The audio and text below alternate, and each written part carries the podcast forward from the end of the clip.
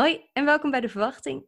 Ik ben Ietske, leuk dat je luistert. In deze podcast blikken vrouwen terug op hun ervaring met zwanger worden, zwangerschap, bevallen en de periode daarna. In elke aflevering wordt een persoonlijk verhaal verteld. Open, eerlijk en uniek, met alle highs en lows die bij deze levensfase horen. Mijn gast van vandaag is Anne. Welkom Anne. Ja, dankjewel. Je bent verloskundige, dat weet ik in ieder geval al, maar wil je beginnen met iets over jezelf te vertellen?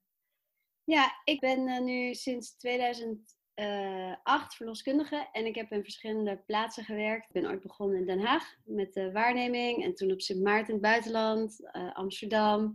En nu woon ik met mijn gezin in uh, Soest en heb ik een eigen verloskundige praktijk met mijn collega Danielle, veldroosverloskundige. En wie zit er allemaal in jouw gezin? Ja, ik heb uh, mijn lieve partner Roel, Roel ten Hopen, en een zoontje Sietse van één en een dochter Mare van vijf. Ja, we gaan over je uh, zwangerschappen en je bevalling van je twee kindjes hebben. Maar um, ja, omdat je natuurlijk verloskundige bent en dan ben je zelf zwanger. Ik heb heel veel vragen over ja, hoe heb je dat ervaren. Dus we beginnen met een aantal vragen. Denk je dat het een voor- of een nadeel is om verloskundige te zijn als je zelf zwanger bent? Ja, dat wisselt heel erg, uh, denk ik, een beetje hoe je er zelf in staat. Maar ik vond het een voordeel. Ik denk dat het wel heel erg wisselt per, uh, per verloskundige. Het is misschien lastig om voor iedereen te antwoorden. Maar ik vond het een voordeel omdat ik wel uh, van alles op de hoogte was. En wist wat ik kon verwachten. Ja. Hoe wordt er bij verloskundigen onderling gesproken over dat je zelf moet gaan bevallen? Ja, vergelijkbaar met cliënten die gewoon op controle komen. Je komt zelf, ondanks dat je collega bent, ook op controle uh, als je verloskundige bent, want je hebt ook die medische zorg nodig. En dan krijg je ook de vraag zoals je die wordt gesteld als je geen collega zou zijn, uh, van hè, wat zijn je bevalwensen, wil je thuis of in het ziekenhuis? Afhankelijk natuurlijk of dat medisch gezien ook kan, hè, of dan wat de wensen zijn daaromheen. En um, ja, dat was bij mij ook zo, dat, dat op een gegeven moment met Danielle eh, dat we bespraken van, joh, uh, wat zou je willen, wie wil je erbij hebben? Ik was ook, de praktijk was benaderd ook door een geboortefotograaf. En toen hè, zei Daniel ook, ja Anne, wat jij zelf hè, fijn vindt. Dus daarin is dat, is dat eigenlijk echt vergelijkbaar met de manier zoals je met cliënten praat die uh, zwanger zijn. En wat doe je nu anders in je werk dan voordat je zelf was bevallen?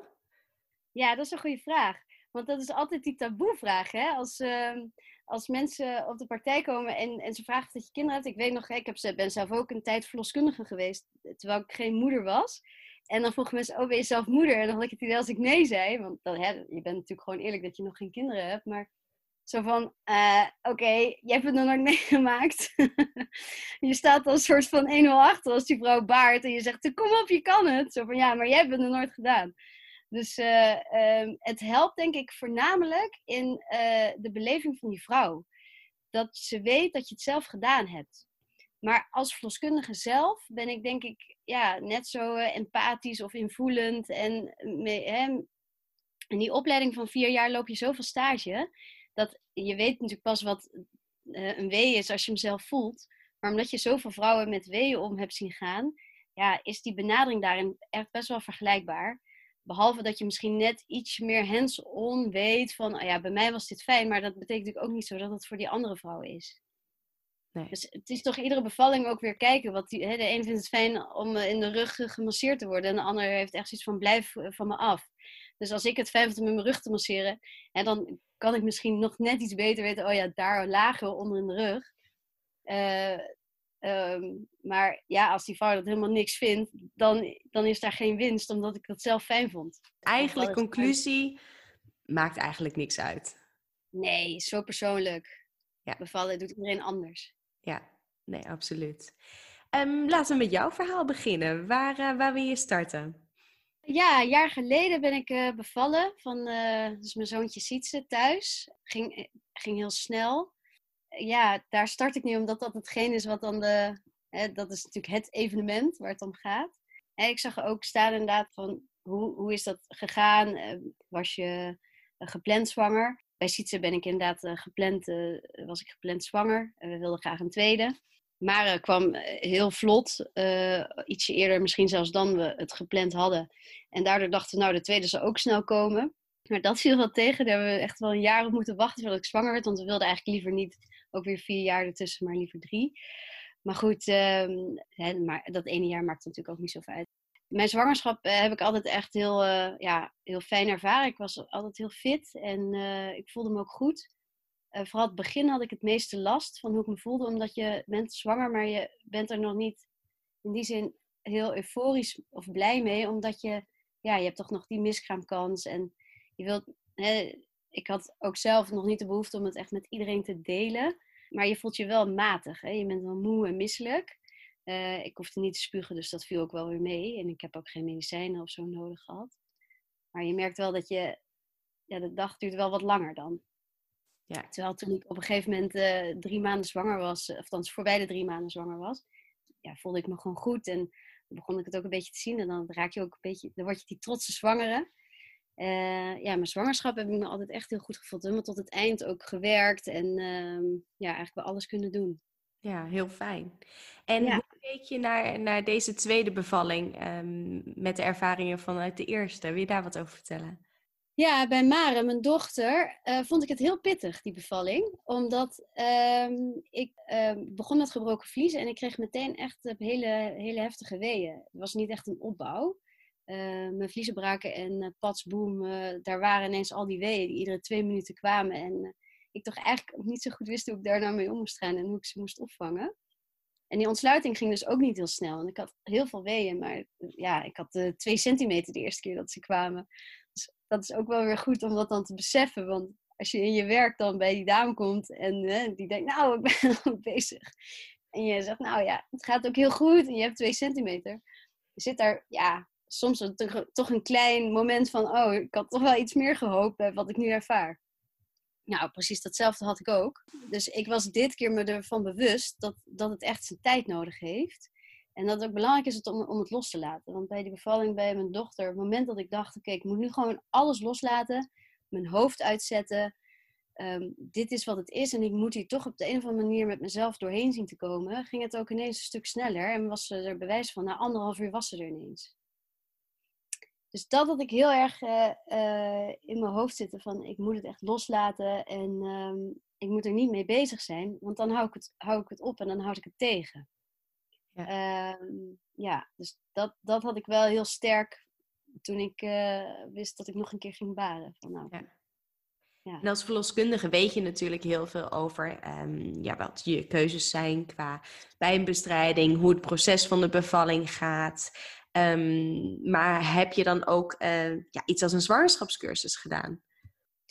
Uh, nou, um, ik heb niet voor mezelf echt een cursus uitgekozen, omdat ik ook wel dacht, ja, hè, dan ga je daar zitten met best wel veel kennis al. En, um, en ergens ben ik ook wel altijd wel druk met, met allemaal, ja, niet altijd belangrijke dingen, maar hè, ik ga dan, dan, denk, dan dacht ik wel eens, ik ga liever die avond iets leuks met een vriendin doen dan, dan dat ik die avond besteed aan een, um, een yoga of zo. Niet dat het dan niet goed zou zijn, maar ja, dan dacht ik, ja, daar, zie ik zelf voor mezelf niet de toegevoegde waarde van in. Maar wat ik wel heb gedaan, ik ben met de rol naar een haptonome gegaan, omdat ik hem daar wel bij wilde betrekken omdat veel van die controles uh, die je dan in de zwangerschap hebt, daar ging ik ook vaak even alleen naartoe. Omdat ja, het is toch bij je collega en uh, ook even mijn bloeddruk of uh, voel even naar de grootte van de baby. Maar dan is je partner daar natuurlijk niet bij. En hij wordt ook vader. Dus wij zijn toen samen naar een haptonoom gegaan uh, bij Mare in Amsterdam. En daar zijn we denk ik drie keer geweest, bij Gemma. En dat vond Roel ook fijn. En er was ook een stukje, hè, toch uh, contact maken met die baby in de buik. Want ik weet wel hoe dat moet. En ik weet ook waar ik moet voelen. Maar Roel, ja, voor hem is het natuurlijk een stuk abstracter. ondanks dat, ondanks dat hij dan een vrouw heeft die verloskundige is, die veel weet. Ik vond het dan ook wel eens lastig van, ja, hoe moet ik hem daar nou bij betrekken? En dat deed zij, dus dat stukje pakte zij dan op. En zij legde hem ook wel uit van hoe die bevalling in zijn werk ging. Ja. Want uh, ja, als partner doe je dat misschien ook dan allemaal niet heel uh, met de puntjes op de i. Nou ja, jij denkt waarschijnlijk dat is vanzelfsprekend dat dit en dat gebeurt. Maar voor hem is het allemaal nieuw en uh, toch wat meer onbekend terrein. Ja, precies. Je partner behandel je dan eigenlijk toch niet echt als een cliënt. Terwijl op dat moment zou dat misschien wel goed zijn. Ja, ja. ja. En hoe keek je uiteindelijk terug op de bevalling van Mare? Ja, goed. En ook wel van, oh, het is me een soort van uh, toch gelukt om die knop om te zetten. Want bij 4 centimeter zei ik ook tegen mijn uh, uh, vriendin, collega die erbij was, van ja, eh, ik wil eh, wel of in bad of een ruggenprik, want dit ga ik niet trekken. En toen zei ze, Anne, we geven het nog een uur. Je gaat nu op het bed zitten en je houdt eens op met verkrampen, want ik zat de hele tijd in mijn handen te knijpen. En je laat het nu gewoon los en dan geef het een uur. En als het over een uur nog steeds zo is, dan gaan we. En na dat uur was ze er bijna. Dus ja, daardoor kijk ik daar goed op terug. Als ik op dat moment toch een ruggenprik had gewild, had ik er ook goed op teruggekeken. Want hè, je, je, je doet het toch met de situatie die zich voordoet. En de ene bevalling is de ander niet. Dus ehm, dan, het belangrijkste is gewoon dat je, dat je dat gezonde kind krijgt. En, en dat je zelf doet wat op dat moment lukt. Ja. En je zei de, de tweede zwangerschap verliep heel goed. Je voelde je in principe goed. En um, de, de bevalling zich weer aan met gebroken... Nou, jeetje. Kondigde deze bevalling zich weer aan met gebroken vliezen? Of uh, met, begon deze bevalling met weeën? Of... Ja, je ziet ze, die is uh, wat dat betreft een blijven zitten. Mario kwam precies op de uitgerekende datum. En nu was ik gewoon over tijd aan het lopen. Op een gegeven moment dacht ik, ik kwam er gewoon nooit meer uit. ik werd echt, ik had echt dat stukje wanhoop, soort van, uh, ik blijf gewoon tot, mijn, tot in de treuren, bleef ik zwanger. Omdat, uh, en strippen lukte niet, want het was nog te sacraal. En het was, uh, dus er was ook niet zoveel opties, behalve dan vrije. Maar ja, ook dat heb ik wel geprobeerd, 40 plus. Maar daar beleef je dan ook niet meer heel veel plezier aan op dat moment. Dus uh, ik was 41 weken en uh, ja, toen was hij er nog niet. En toen heb ik op een gegeven moment gezegd, ik moet dit ook dus gewoon weer loslaten. Maar dat is blijkbaar een soort levensles voor me. Dat ik, uh, op het moment dat ik iets loslaat, dan, dan gaat het goed. en dat was nu ook het geval. Ik weet dat vriendin Ronda, die kwam langs en die zag mij zo op de bank zitten met mijn dikke buik. En het was eind augustus. En die zei, oké, ik uh, neem je dochter even mee. Want die zag me echt zo compleet. Ik zat er helemaal doorheen, omdat ik dacht, ik, ik ga gewoon niet bevallen dit keer zo. omdat ik er soort van van uitging dat hij wat vroeger zou komen. Dat is natuurlijk ook, ja, is gewoon, uh, je weet gewoon ook vanuit mijn werk dat dat niet zo is. Maar ja, dat gevoel laat je dan niet helemaal los. Dus toen, toen hij niet eerder kwam, maar zelfs nog eens een keer een week later, had ik daar wel een beetje moeite mee die week. Um, en toen die uh, nacht uh, diende het zich aan. Spannend. Ja. ja. zeker. Ja, ja, en ik had heel veel voorweeën en voorgerommel. En waar, ik was wel zo'n nachtje dat ik, dat ik gewoon niet kon slapen van wat ik voelde. En dat ik dan ochtends ook Danielle, mijn collega, belde van... Uh, nou, ik denk dat nu wel... Uh, je moet nu denk ik wel kunnen strippen. Ik heb vast wel ontsluiting, maar dan was ik dus gewoon helemaal niets. Dus dat was ook zo, zo'n combinatie was het meer. Dat ik daardoor echt wel een beetje dacht van, uh, wat, is, wat, wat, wat is dat dan? Dus ik ben de hele nacht ik aan het rommelen, maar er gebeurt niks. Maar waarschijnlijk doet het dan toch wel ergens iets. Ondanks dat je dan geen ontsluiting hebt, zorgt het waarschijnlijk wel voor verweking. Want toen het eenmaal echt ging doorzetten, ben ik heel snel bevallen. En op wat voor moment heb je dan uh, je verloskundige gebeld? Ja, te laat. Want het was uh, s'nachts, uh, wat was het, één uur of zo. En toen dacht ik, nou ja, ik denk dat het nu wel doorzet. En Roel zei, ja, dat dacht je twee nachten geleden ook. Ze zei, laat mij nog maar even slapen. En toen zei ik, ja, dat is goed. Dus ik ging onder de douche staan. Onder de douche ben ik, ben ik op een krukje gaan zitten. En dat was eigenlijk wel lekker. Ik had die warme stralen op mijn rug en dat ging best goed. En ik was bezig met, ik moet het loslaten. Want het was bij de eerste ook gelukt om toch in een soort stoned iets te raken van je eigen weeën. Een beetje in jezelf.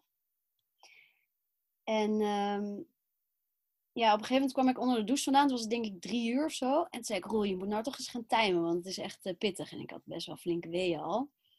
Maar ik wist ook nog bij mijn eerste dat die aanloop duurde zo lang. Hè? Dat ik twee centimeter en uh, vier uur later een keer uh, vier of zo. Dat ik dacht, ja, zul je zien. En ik had nog nul die ochtend, omdat Danielle toen langs was geweest. Dus ja, ik kan je gewoon nog niet strippen.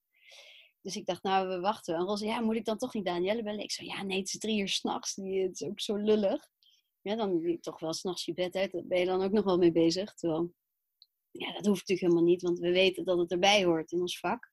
Toen zei ik om vijf over drie of kwart over drie, nou, bel toch maar. En toen belde Roel van, uh, nou, we denken dat het begonnen is. Terwijl op dat moment begon ik toch wel het idee te krijgen dat ik ook wat persdrank kreeg. dus uh, Danielle op haar gemakje onze kant op. en die had de auto ook aan de andere kant van de straat gezet.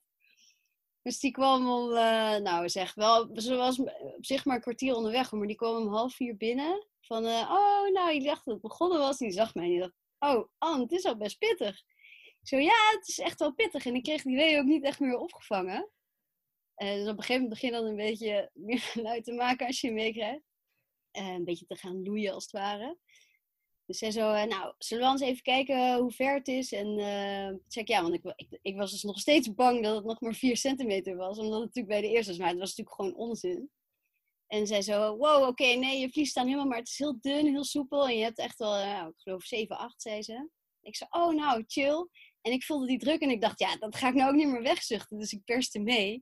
En toen werd het hoofdje, toen braken de vliezen en kwam het hoofdje gewoon op bijna. En Daniel had helemaal geen spulletjes mee of iets dergelijks. Want ja, het belletje was, we denken dat het begonnen is. Oh, dus um, ze stuurde Rol snel naar de auto, maar die kon de auto niet vinden. Dus Danielle riep, Rol, kom maar terug. die zag dat hij al geboren werd. Dus nou, we waren met z'n allen op elkaar, maar zat, ja, zat gewoon En ik had ook niks klaargezegd. Want ik had natuurlijk zelf ook gewoon mijn spullen klaar kunnen zetten in de kamer. Maar daar had ik ook helemaal niet over nagedacht. Maar het is gewoon goed gegaan. Als het zo snel gaat, dan gaat het ook vaak goed. Dus, uh, toen werd hij gewoon geboren en begon het gelijk te huilen. En, uh, ja. Holy moly. Hij was er. Hij was er. Wauw. En je dochtertje lag gewoon lekker te slapen. Ja, dat is wel verbazingwekkend. Want ik heb een heleboel geluid gemaakt. Dus die heeft er gewoon overal doorheen geslapen. Ja. Want het was dus best wel kort. Het is van één tot, zeg maar, ja, ik geloof kwart voor vier. Van, van niks naar een baby. En ik had die ochtend nog geen ontsluiting. Dus ik ben gewoon echt.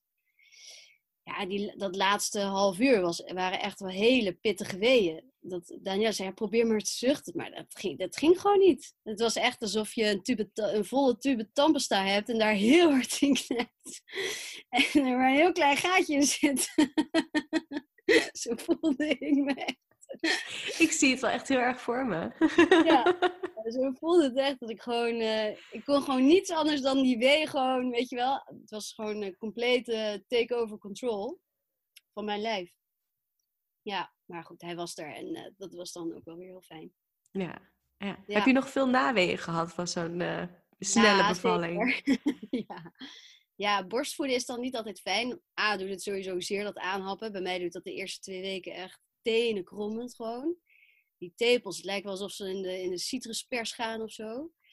En dan ook nog die naweeën erbij. Dat was wel, uh, die eerste week was het wel een beetje... Nou, die naweeën waren de eerste drie dagen. Dus dat was geen twee weken. Maar het borstvoeden met die naweeën. En dan ook nog eens het aanhappen wat zo'n zeer doet. Dat was geen pretje, nee. Nee. nee. nee. En um, hoe was de bevalling van de placenta? Ja, die vloog er ook achteraan. Dus dat was allemaal, uh, het was gewoon in één keer klaar ook. 41 weken aanlopen en allemaal rommelen, rommelen. En dan ineens werd die deur, uh, weet je, een soort oester. Zo. En kon je het mentaal een beetje behappen? Dat je denkt van, oké, hij is er dus. Ja, omdat ik ook zo over tijd was wel. Hè? Want dan, je wil ook gewoon dat het klaar is op een gegeven moment. Want je loopt maar met die dikke buik en je hebt gewoon, ja, dan, dan heb je het gewoon wel gehad op een gegeven moment. Uh, dus dan ben je eigenlijk heel blij dat het gewoon uh, klaar is inderdaad. En had je nagedacht hoe je um, de, de kraamtijd door wilde brengen? Ja, in die zin dat ik, uh, bij, omdat ik me zo super goed voel in mijn zwangerschappen, is uh, het verschil zo groot in die kraamweek want in mijn zwangerschap, eh, tot 37 weken fietste ik gewoon eh, met een vriendin nog langs de mooie noordkust van Nederland. Van, ja, ik geloof Oog naar Den Helder, als ik het goed zeg.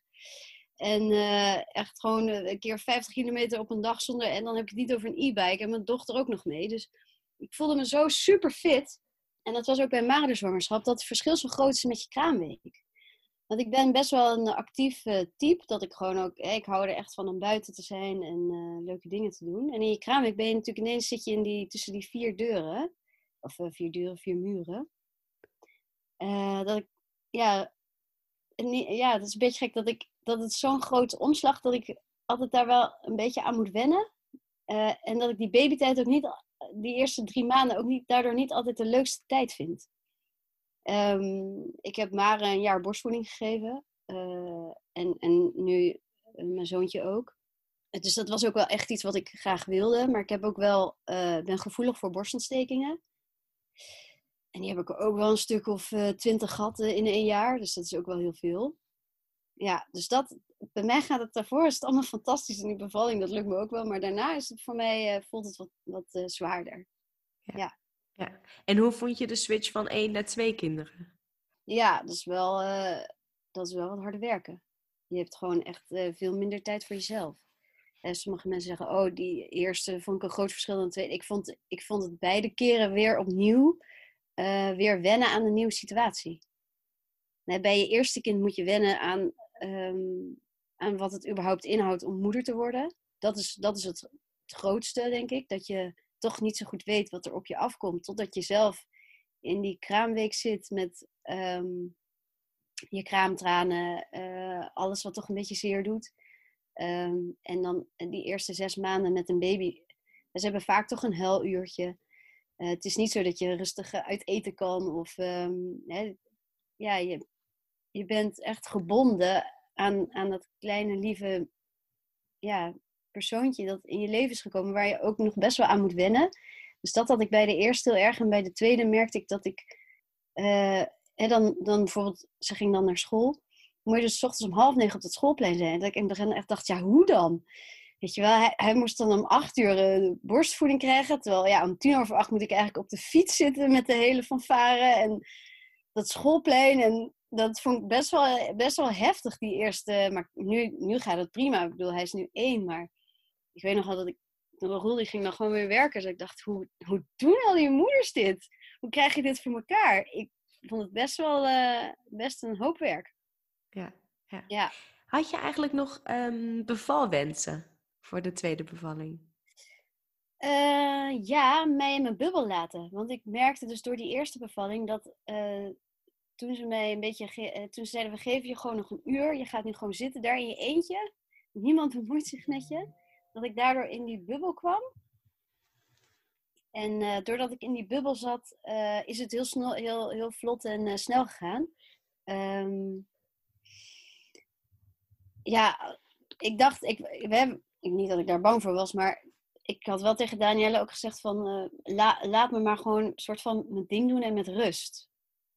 Dat, dat wilde ik vooral heel graag. En ik had wel getwijfeld, uh, wil ik een bad? Want we hebben een badkamer zonder bad. Uh, wil ik dan zo'n bad huren en zo? Maar de vloer was misschien sterk genoeg en dan moest het beneden. En toen dacht ik, ja, ik weet ook gewoon, de tweede kan best wel snel gaan. En ondanks dat ik dat weet, hebben we alsnog Danielle een beetje laat gewild. Maar het bad had je sowieso niet gehaald. Nee. nee, want Rol werd om drie uur wakker. Dus dat had hij nooit gevuld op tijd, denk ik. Ja. Hoe vond hij het dus, zo'n uh, snelle bevalling? Ja, hij vond het achteraf, hij vond het fantastisch. Want hij, ja, hij, hij vond het heel mooi dat het zo... Oh, wauw, daar is hij al, weet je wel. Want hij is ook wel een beetje van het vlotte. Dus uh, ja, nee, hij, vond het een heel, hij vond het heel intiem en bijzonder. Want het was natuurlijk ook alleen met Danielle. We waren met ons strietjes.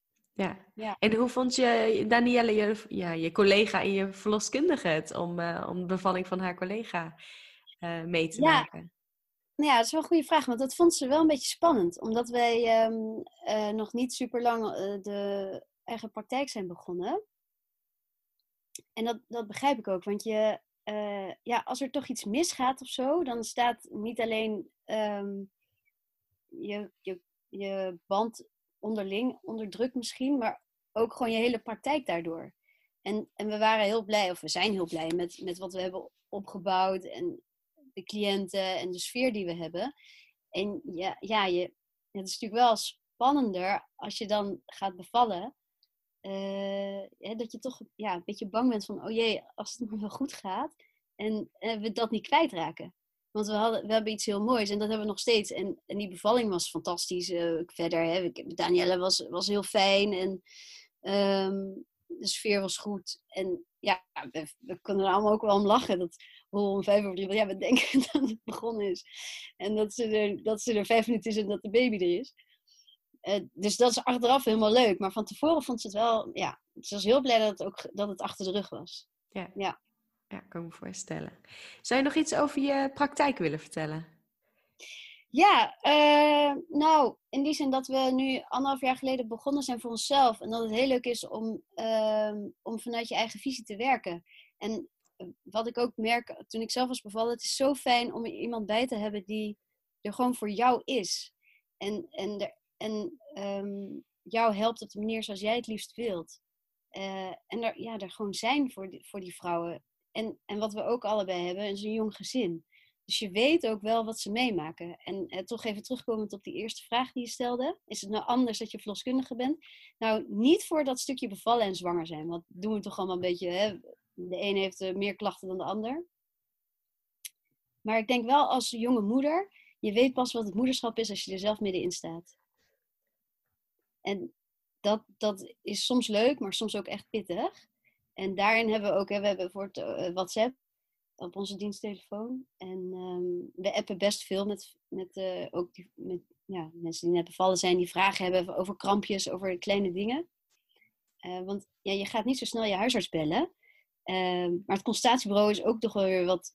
Ja, ik heb zelf ook nooit het consultatiebureau gebeld. Maar dan is het wel fijn dat je soms even een vraag kan stellen aan iemand waarvan je weet, nou, het is en een verloskundige. Um, en iemand die ook zelf wel twee jonge kinderen heeft. Dus die meer tips kan geven dan alleen maar van uh, iedere drie uur de fles. En uh, nou ja. Ja, nee, absoluut. Nee, ik heb, ja, is dan, hij hoort natuurlijk totaal niet zo, maar ik heb dan bij het consultatiebureau alsof je dan een soort van een vinkje achter je naam krijgt, van dat is een moeder die veel vragen heeft. Ja, als je dat hebt. En oh, bij de huisarts voelt het gelijk van, oh jee, uh, gaat het wel goed? Um, ja. En ik weet ook van, ja, zeker in mijn kraamtijd, dan ben je zo kwetsbaar. En ja, ik weet ook door de slaapgebrek word je soms ook gewoon een beetje gek. Ja. vind ik. Ja. En je gaat nou, wat gekke dingen denken of gekke dingen doen. Gewoon, ja, dat je denkt, god, wie ben ik eigenlijk? Ik ben echt hele rare dingen aan het zeggen af en toe. ja, en, en ook dat je, dat je soms er gewoon even niet helemaal uitkomt, maar ook met je partner niet helemaal. Want dan, de, die nachten, die zijn soms best ellendig. En je hebt allebei zo weinig geslapen. Um, en dan is het soms ook wel eens fijn als een ander dat even voor je kan relativeren. Ja, ja van, absoluut. nou, mooi dat jullie ook die, uh, die rol vervullen. Ja, ik denk dat het wel belangrijk is. En ook dat we, ik hoorde het in een eerdere podcast, dat we als vrouwen ook liever zijn voor elkaar. En we hebben snel de neiging om te zeggen, oh, nou, uh, bij mij sliepen ze door na zes weken. Ja, tuurlijk, super chill. Maar dat is, dat is geen gouden standaard. En als ze bij jou doorslapen, uh, ja, heel fijn. Maar um, we mogen in die zin liever zijn voor elkaar van, oh, maar kan ik je dan ergens mee helpen? Als je merkt dat je buurvrouw wel de hele nacht uh, heen en weer wandelt met haar, hè, dat je echt zegt, joh, ik neem je oudste even mee uit school. Dan kun je misschien smiddags samen even slapen. En dat ja. we toch proberen elkaar een beetje te helpen daarmee. Ja, ja, absoluut. Zeker. Jullie schrijven ook uh, op de website, zie ik nu, uh, we geven informatie en persoonlijke begeleiding om met vertrouwen zelf keuzes te maken. Ja, ja, we, uh, we hebben, ik geloof twee of drie weken geleden hebben we ook een dame gehad die 42 weken en twee dagen was. Dus respect, want ik zat er bij 41 weken zelf al best wel een beetje. Dat ik dacht, wat gaat er, wanneer gaat het nou gebeuren? Nou, deze dame heeft dus nog een week langer gewacht uh, dan ik toen er deed. Um, omdat zij het vertrouwen had in haar lijf en um, ja, gewoon die ruimte wilde. En ze was natuurlijk daarin wel ge, ge, gecounseld, hè, dat de voor- en tegens met haar zijn besproken met de gynaecoloog. Um, maar zij heeft gewoon heel overwogen dat, hè, het besluit genomen om te willen wachten. En wij willen, wij willen daar dan in helpen, omdat uh, ja, ik vind als een vrouw, kijk, je bent baas over je eigen lijf. En er is niemand die zou moeten zeggen, um, uh, je, moet nu dit of je moet nu dat. Dat, dat kan niet, want daardoor creëer je juist, denk ik, meer strijd, waardoor het alleen maar slechter af gaat lopen. Dus op het moment dat je die vrouw stimuleert in haar kracht om voor haarzelf een keuze te maken die wel overwogen is, heb je alleen maar een win-win situatie. Ja, ja, absoluut. Nee, ik denk ook dat het heel mooi is om, om dat gewoon in, in een gespreksvorm te doen. En ik heb het idee dat er heel vaak dan uh, word je als zwangere met statistieken uh, uh, doodgegooid ja, bijna. Ja, ja, dat je echt denkt van wow, oké, maar het gaat eigenlijk niet om statistieken. Het gaat om uh, heel veel informatie en statistiek is daar een deel van. En daarna ook gewoon heel veel gevoel. Um, ja. en, en goede gesprekken daarover hebben. Ja, en, en um, we zijn natuurlijk allemaal bang hè, voor uh, bewijs van... Uh, oh, maar dadelijk gaat het niet goed en dan heb ik de verkeerde keuze gemaakt omdat ik zo nodig met candlelight in bad wilde bevallen. En ik denk dat het inderdaad wel bewust is om je, uh, of belangrijk is om bewust te zijn van, van die gedachten. Maar dat het niet leidend moet zijn als je zelf liever iets anders wilt. Ja. Dat er een gesprek mogelijk is. Om Ja. dan samen, om, om samen te kijken wat het beste past dan op dat moment bij, bij haar wens. Is er Ja. verder nog iets wat je graag zou willen delen?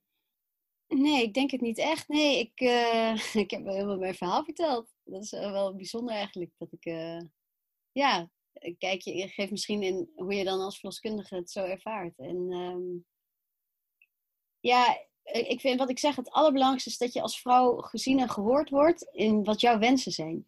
En eh, die bevalling, maar ook dat kraamtijd en die zwangerschap natuurlijk ook daarvoor, dat is, dat is de start van de band tussen jou en ook je kind.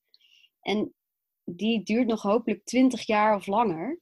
Ehm, en dat, ja, vrouwen die bijvoorbeeld niet zo goed terugkijken op de bevalling, dat is natuurlijk heel vervelend. En dat kan gebeuren, hè, want het gaat ook wel eens anders dan als je had gehoopt. En er gebeuren ook vervelende dingen. Maar ik denk dat het belangrijkste is dat die vrouw altijd zich gehoord heeft gevoeld.